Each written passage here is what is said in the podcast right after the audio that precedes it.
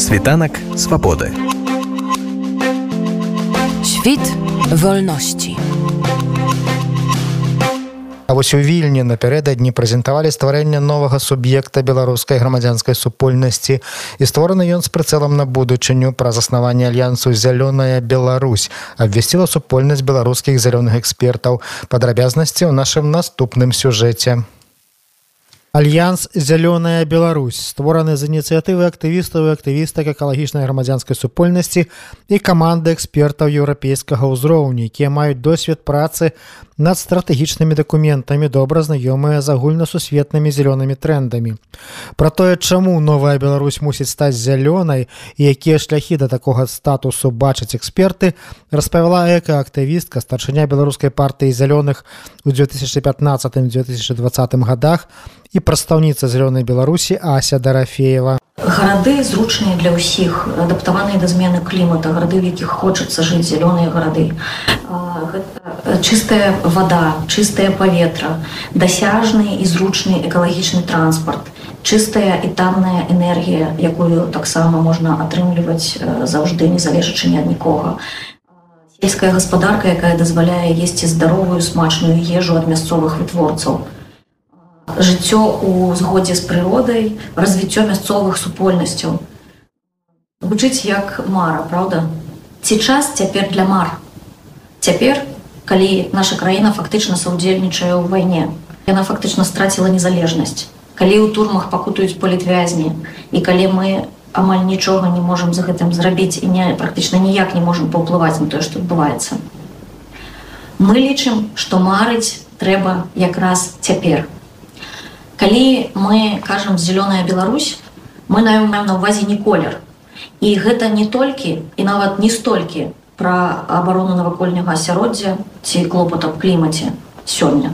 Сёння зялёны гэта выбар, які можна зрабіць. Гэта шлях, па якім можна пайсці.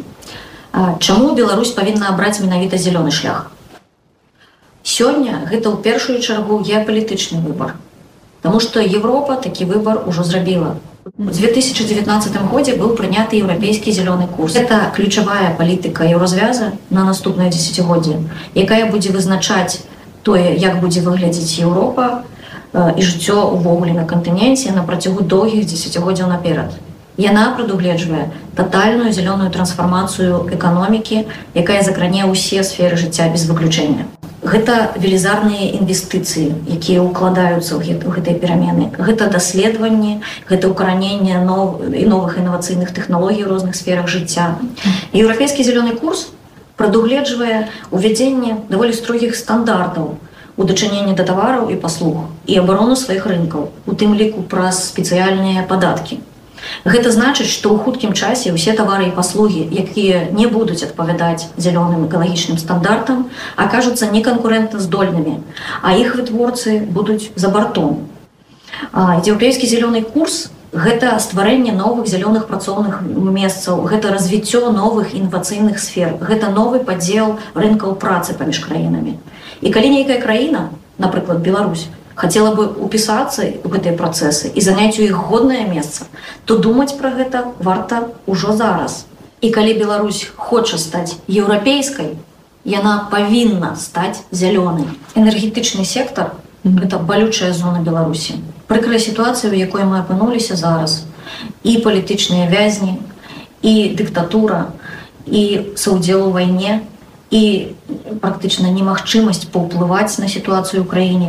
Адной з перашкодаў да зялёнай эканомікі ўвогуле еўрапейскай інтэграцыі нашай краіны эксперты зялёнай беларусі бачаць залежнасць нашай краіны у тым ліку і ў сферы эканомікі і экалогіі ад рассіі і менавіта зялёны падыход да эканамічнай стратэгіі можа пазбавіць Беларусь гэтыя залежнасці працягвае ася дарафеева. Усё гэта вынік таго што Беларусь на працягу десятгоддзяў знаходзіцца ў адносінах з аб'юзерам у сузалежных адносінах якія ніяк не можа разарваць. Аснова гэтых адносінаў расійскія нафта і газ. Ну і ў апошнія гады нас яшчэ падсаджваюць на атамную голку пабудаваўшы нікому не патрэбную атомную станцыю. Адмова ад усяго гэтага у першую чаргу ад расійскага паліва гэта тое што сапраўды можа забяспечыць беларусі незалежнасць на энергетычным, на эканамічным, на палітычным узроўні. Тэхналагічна і эканамічна гэта цалкам магчыма. І наши эксперты, эксперты зеленой Беларуси уже працуюць над дорожнай мапай энергетычнага зялёнага перахода для Беларусі. Для гэтага патрэбна палітычная воля і ўдзел усіх актараў. Калі Беларусь хоча стаць незалежнай, яна павінна стаць зялёнай.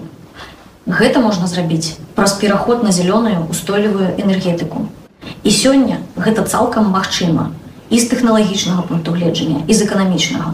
І эксперты зялёнай беларусі ўжо працуюць над дарожнай мапай зялёнага энергетычнага перахода для беларусі як бы не развіваліся падзеі нават калі яны будуць развівацца самым пазітыўным чынам Беларусь усё адно непазбежна чакае праходжання такой зоны турбуленцыі ў перыяд сацыяльных эканамічных э, пераўтварэнняў. І такія перыяды звычайна ўплываюць на дабрабыт людзей. У першую чаргу на самыя неабароненыя групы насельніцтва. У э, зялёным курсе закладзеныя прынцыпы transition чэснага ці справядлівага пераходу. Яны заключаюцца ў тым што трэба загадзя пралічыць тыя уплывы якія будуць аказваць змены і забяспечыць тыя для тых людзей на якіх яны будуць уплываць добрыя умовы для жыцця магчымасць для годнага заробку магчымасць самім нейкім чынам прыстасавацца да гэтых зменаў і быць падрыхтаваным для іх І гэтыя прынцыпы яны могуць быць пашыраныя і прымененыя пры планаванні перыяда пераходнага для Беларусі, калі б ён не адбыўся. Эксперткі зялёнай беларусі працуюць з тэмай just transition справядлівага перахода і гэтая праца можа быць пашыраная. Мы можемм разам пачаць рыхтаваць справядлівы пераход для беларусі. Таму мы калі мы кажам зялёная Беларусь мы маем на увазе чэсная справядлівая Беларусь пераход на чыстую узнаўляльную энергетыку і устойлівую зялёную эканоміку. Синхронізацыя з еўрапейскім зялёным курсам прымяненне прынцыпаў справядлівага перахода ў дачыненні да беларусі Вось што мы маем на ўвазе, калі кажам пра зялёную Беларусь сёння. Так, у шырокім сэнсе зялёная Беларусь гэта мара. Але гэта і мэта, якую можна і трэба паставіць для прыкладу на 2050 год. Гэта і шлях, па якім туды можна прыйсці. І калі мы хочам, каб пасля падзення дыктатуры Беларусь стала еўрапейскай, незалежнай, справядлівай, трэба абіраць зялёны шлях.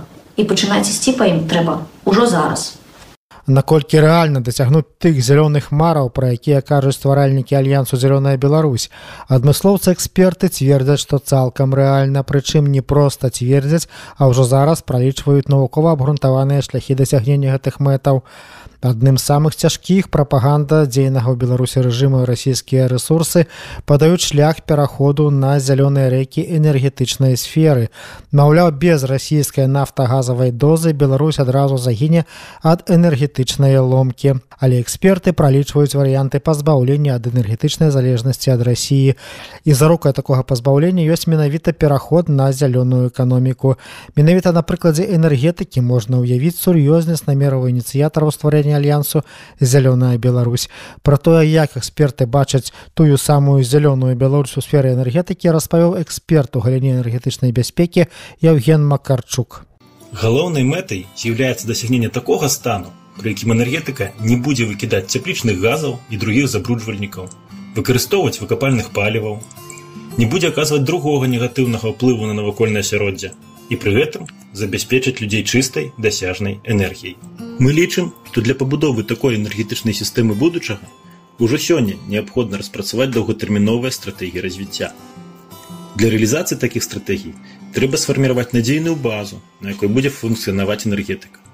Для гэтага неабходна распрацаваць і ўкараніць шэраг рэформ у розных галінах энергетыкі. Але верагодна, што адразу пасля трансфармацыі сітуацыя з энергазабеспячэннем беларусі можа значна пагоршыцца што прывядзе да энергетычнага крызісу по гэтым ужо сёння трэба мець аператыўныя планы дзеянняў на выпадак надзвычайных сітуацый.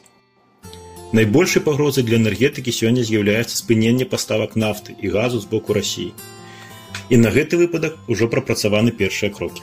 У выпадку спынення газзабеспячэння мы маем некалькі варыянтаў альтэрнатыўных паставак газа. Газ можа пастаўляцца праз літву Беларусь можа набываць звадкаваны прыродны газ, пастаўляць его праз тэрмінал клайпедзе і далей па газатранспартнай сетцы ў Беларусь. Другім варыянтам можа стаць набыццё звадкаванага газу і пастаўка яго ў тэрмінал сюнаусці у Польшы і далей па газатранспартнай сістэме Польшы і праз газаправод Ямал Еўропа ў Беларусь у рэверсным рэжыме. Пры спыненні забеспячэння нафтай яе можна пастаўляць праз тэрмінал гуданьску і далей па паўночнай галінцы нафтаправода сяброўства або праз тэрміналы ў літве і Латвіі з далейшым транспартам чыгункай, бо, на жаль, нафтаправод ад Наваполацка зараз не працуе. Гэтыя сцэнары былі пралічаны і мы бачым, што з тэхнічнага боку магчыма забяспечыць Беларусь нафты і газам па альтэрнатыўным маршрутам у выпадку спынення паставак з рассіі. Але для рэалізацыі гэтага плана неабходна яшчэ шмат працаваць і прылічыць шмат тэхнічных і эканамічных момантаў. І тым не менш, на першы перыяд, на першы год трэба мець наступныя планы. Экстраны план забеспячэння нафтай гэта комплексны план, які ўключае не толькі пастаўку нафты па альтэрнатыўным маршрутам, але і дзеянні па павышэнні эфектыўнасці перапрацоўкі нафты, па скарачэнню спажывання нафтапрадуктаў, па выкарыстанню наяўных рэзерваў і сховішчаў нафтавы нафтапрадуктаў, па прыярытызацыі забеспячэння спажыўцоў нафтапрадуктамі. Аналагічны план трэба мець для газа. Трэба вызначыць неабходныя фінансавыя рэсурсы і магчымыя іх крыніцы. Неабходна вызначыцца, як гэта паўплывае на тарыфы на энергію ў кароткатэрміновай перспектыве і як абараніць найбольш уразлівыя групы. Пасля стабілізацыі трэба правесці шэраг рэформ. Большасць з іх накіравана на стварэнне рыначных асноў узаемадзеяння паміж удзельнікамі рынка, павышэнне надзейнасці энергазабеспячэння і адпаведнасці патрабаванням рэгулявання еўразвяза. Пасля распрацоўкі рэформ і фармавання патрэбных стымулаў магчыма будзе распрацоўваць доўгатэрміновыя стратэгіі па прыкладзе еўразвяза. Гэта такія дакументы, як нацыянальны план энергетыкі клімата, нацыянальна вызначаныя абавязкі, нацыянальны план па энергазберажэнню і другія доўгатэрміновыя стратэгіі. Мы разлічваем, што такім чынам мы дасягнем кліматычнай нейтральнасці для Беларусі. Мы не можам зараз азначыць дакладную дату, бо не ведаем, калі можам пачаць рэалізоўваць нашы планы але можам дэклараваць што будзем гатовы і будзем імкнуцца дасягнуць мэтаў зялёнай беларусі як мага хутчэй